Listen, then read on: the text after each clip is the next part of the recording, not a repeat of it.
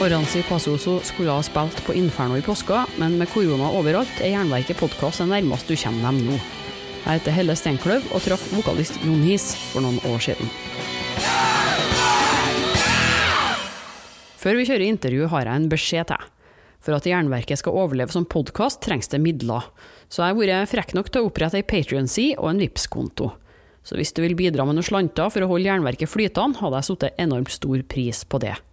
Du kan bidra månedlig via Jernverket-sida på patrion.com jernverket, eller gi en enkeltsum via VIPS nummer 567438. Beløpet er sjølsagt valgfritt. All informasjon står nederst i episodebeskrivelser med ei lenke som fører deg rett til kassen. Igjen, tusen takk for alle bidragene så langt. Jeg klarer ikke dette uten deg. Okay, uh, maybe you could start by just presenting yourself. Who are you and what do you do in the band? Uh, I'm Jun-His from Oranssi Pazuzu and uh, I play guitar and do vocals. And you just ended a tour uh, in Europe uh, a few couple of weeks ago. Uh, yeah, a couple of weeks ago we, we had 12 shows uh, outside Finland, like in the Central Europe, and uh, it was awesome time since it was our first tour, and uh, it went really nicely, and it was cool that there was uh, also like places like London there, and uh, Paris and Italy, like Milan, and Prague and Berlin. Those were probably the biggest cities mm. on the tour. How was that? It was um, to finally get on a big tour like that.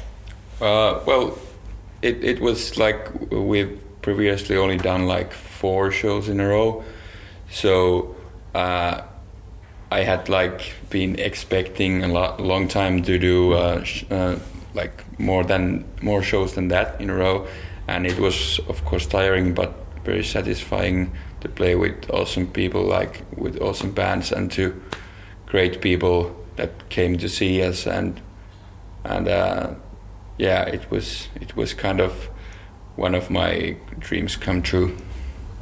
We can talk more about uh, touring a bit later, uh, fun stories and stuff. But um, I want you to start and tell us about the band because Oranssi Pazuzu were quite unknown in Norway until uh, Valonielu came uh, last year. Yeah. So uh, where did it begin? Uh, we started, I think, 2007.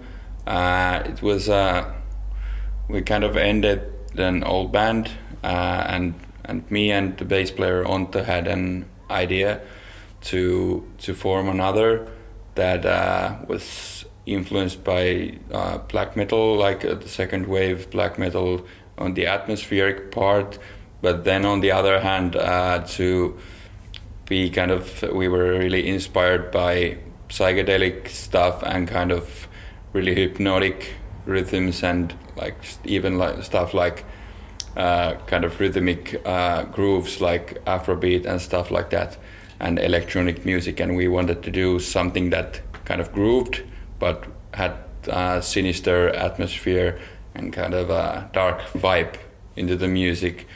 Uh, that was kind of natural for us as well.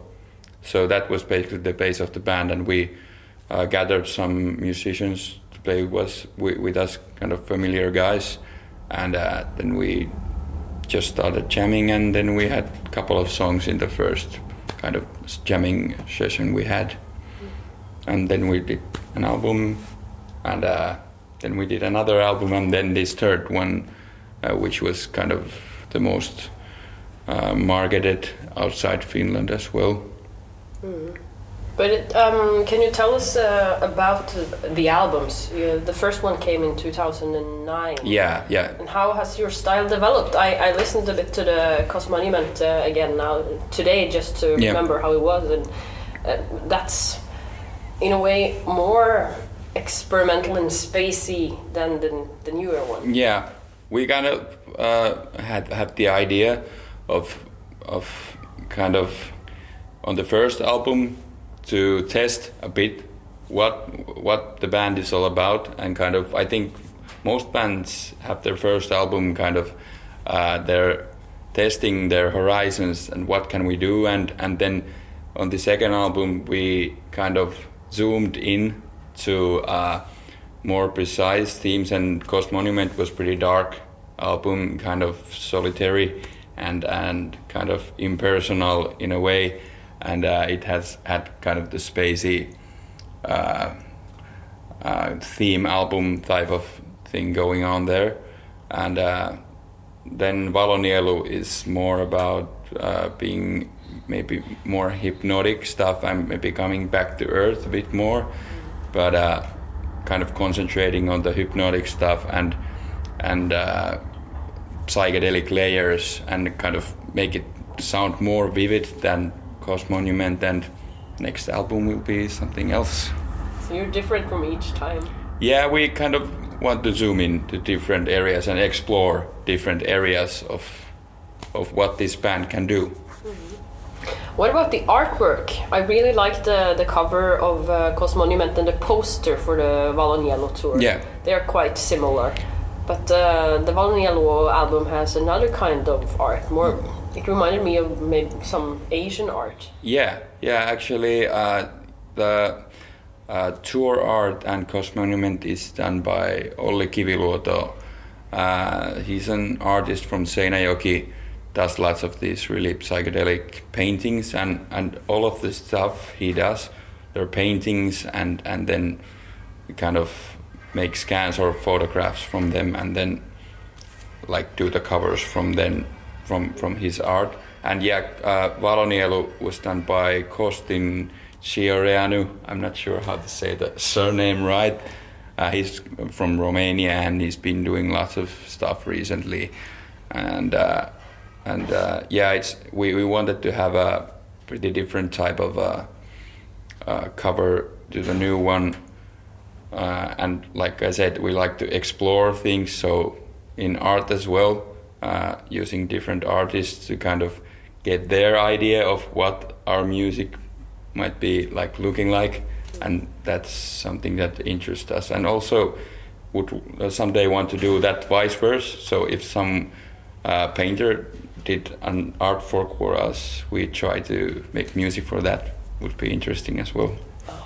so uh, here's a challenge uh, yeah, yeah, for definitely. some artists listening. Yeah, that's definitely like that. But the words are probably also uh, quite um, important for, for you when you write lyrics because they're all in Finnish, uh, your own native language. Can you tell us a bit about um, what the lyrics are all about? Yeah, uh, actually, Ontto makes the lyrics, the bass player. Uh, we usually tend to uh, discuss on some themes when starting to compose an album and like what do we want to influence from? Like for example in Valonielu we talked a lot about like uh, we're mm, sometimes pretty science geeks. Uh, we discussed a lot about evolution and uh, also consciousness and uh, uh, kind of microcosmos cellular level kind of ideas and started composing stuff through that. And then Ontto usually uh, makes lyrics from those themes, maybe adding some more, but from he's kind of thinking about about the song, how it sounds like, and then making the lyrics kind of as a map into the whole thing. Uh, and yeah, they're in Finnish because uh, that's the only language we know really well and get all, can get all layers, meanings, and through that uh, I can uh, with vocals I can uh, kind of get all the emotion from the from the lyrics because I can understand uh, more than one lay, uh, layers from that lyrics or more than one one kind of interpret. How do you say it? In, interpretation. Yeah, uh, difficult word. yeah, so that that's why it's in Finnish. And yeah, they're important, but uh, they kind of come at the stage where the songs are almost kind of done and they work as a map. Mm. That's interesting. But how do you get this uh, really large sound uh, like you have? Uh, it was one of your albums really um, recorded in a cave? Mm, uh, and no, it's it's like in a first album is done in a kind of cabin Yeah.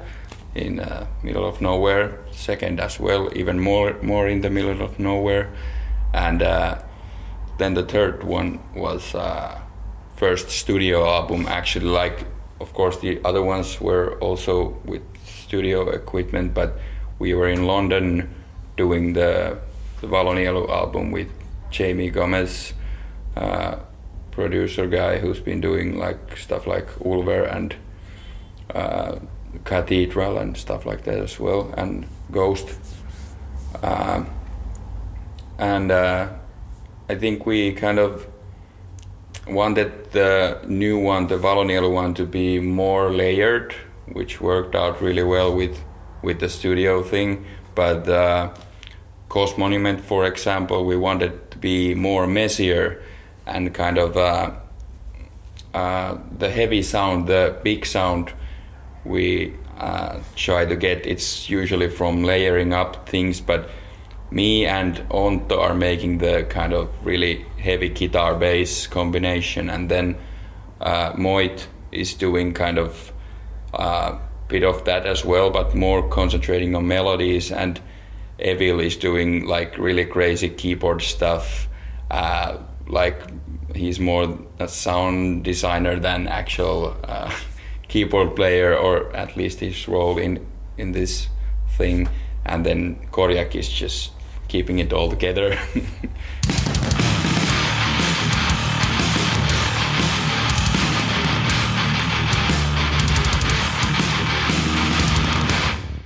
But you, you have also changed record companies quite a lot. You had a new one for each album, and you even got dropped from Spinefarm. yeah. How did that feel? Uh, it was kind of we've been all the all the releases of the LPs have come through Svart, so uh, uh, Svart was kind of a familiar from previous things. Well, uh, I think dropping from Spinefarm was advantage to us in a way because uh, they are cons- uh, kind of doing a bit more different kind of music and and putting that out. So uh, it worked out at the time when uh, we were looking for publisher for Kosmonument. But uh, it worked out really well because we got uh, label also from States, 20 Buck Spin, and uh, then like Svart in Europe. And so we, now we have like two labels in, in and both doing their jobs in uh, different parts of the world's world. And um, yeah it worked out great. And like i said uh, svart is now growing like 20 Buck Spin as well so it's good to grow with them and they're releasing lots of music that are is kind of has the similar vibe to us which suits us well and i think they know how to market us because we're not the easiest band to market uh, with the language and with the music. Uh, so I think Svart and 20 Buck Spin are doing good job with that. Absolutely. Um, what about um, a few of you have uh, different band projects on the side of uh, Oranssi Pazuzu? Are you in the Atomikylä thing? Yeah, yeah, we actually just finished recording and mixing and mastering our first album. Uh, it's uh, uh, me and Ontto are actually in that one, and then two guys from uh, Dark Buddha Rising, drummer and and uh, guitarist, singer, and uh, we started out just as a we got to know each other and and started jamming, and just like we didn't plan to do any band out of that, but then things started to sound pretty good, and then we were okay let's record something and see if we're gonna release it. And now it looks like it's going to be re- released at some point. Yeah, that's the. Uh, we have some like s- small projects and doing different things, but that Atomikylä, it's it's like the mm, most closest to Oranssi Pazuzu in a way. But it's not metal in the same kind of. Yeah, well, yeah. I It's, only heard one song, so I don't know. yeah it's it's kind of lots lots of influence influencing from free jazz kind of want to keep things really jammy in that band, and, and, and yeah, some songs that we only like in internet. There's only one song right now, so yeah, that's that's not that heavy, but there is I think a bit more heavier and stuff there, and uh, stuff with more improvisation as well, uh, coming on the future album. Hmm. But until now, we, we have um, been speaking in a quite serious way about the music. Yeah. Every band have their Spinal Tap stories. If it's from the rehearse, rehearsal room or uh, when you're in studio or on tour, you have any fun stories you could share with the listeners? Well, uh, one comes to mind.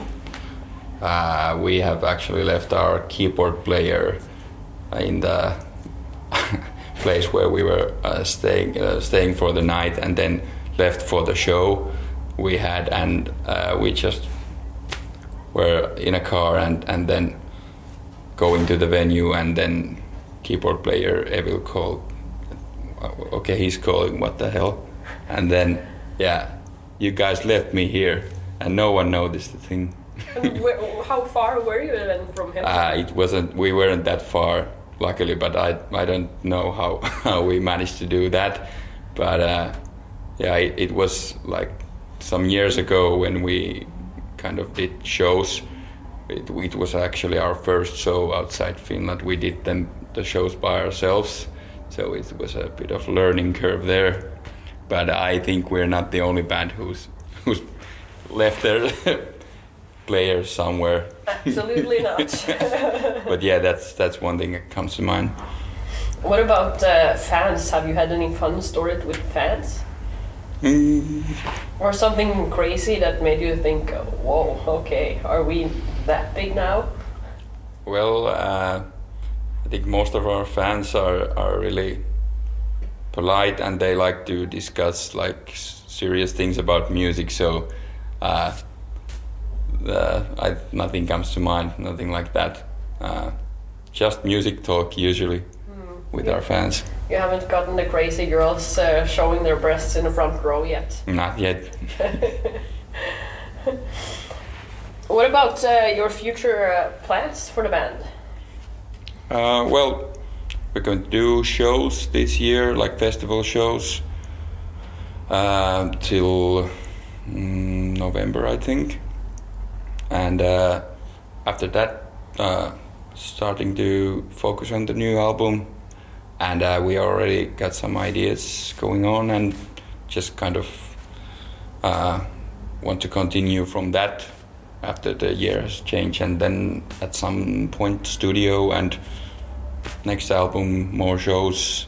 Uh, we always like to concentrate on the on just on the music and see what comes uh, like from the music because yeah, it's nice to do shows and and actually awesome to do shows and uh, and uh, do records in studios and stuff like that. But it's also always has to be the music that is the why everything happens. So that the whole composing process is really important to us. So that's usually the uh, biggest thing we're kind of con- uh, concerned and concentrating on. But um, uh, when you're thinking about the meaning behind everything, um, I of course read why you have the name Oranssi Pazuzu, but yeah. probably a lot of people wonder why you chose that because most can maybe guess that Oranssi is uh, yeah.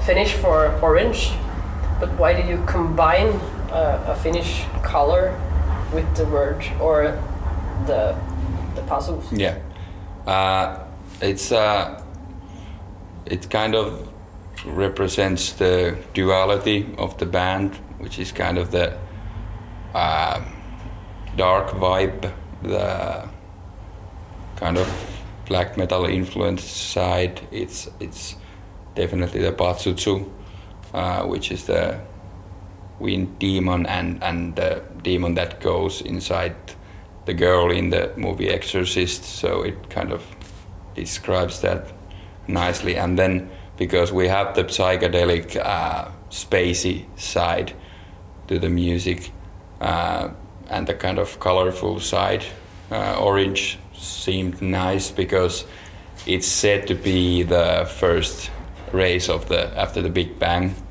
Who the hell knows? But uh, yeah, it's a cool story for that, and it kind of uh, uh, yeah, Pazuzu is the is the darker side, and orange is the psychedelic, colorful side of the band.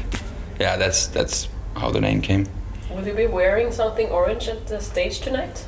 Mm, I don't remember if someone had. Probably not. you should. Du har hørt et Oranzi Passoso-intervju innspilt i 2014.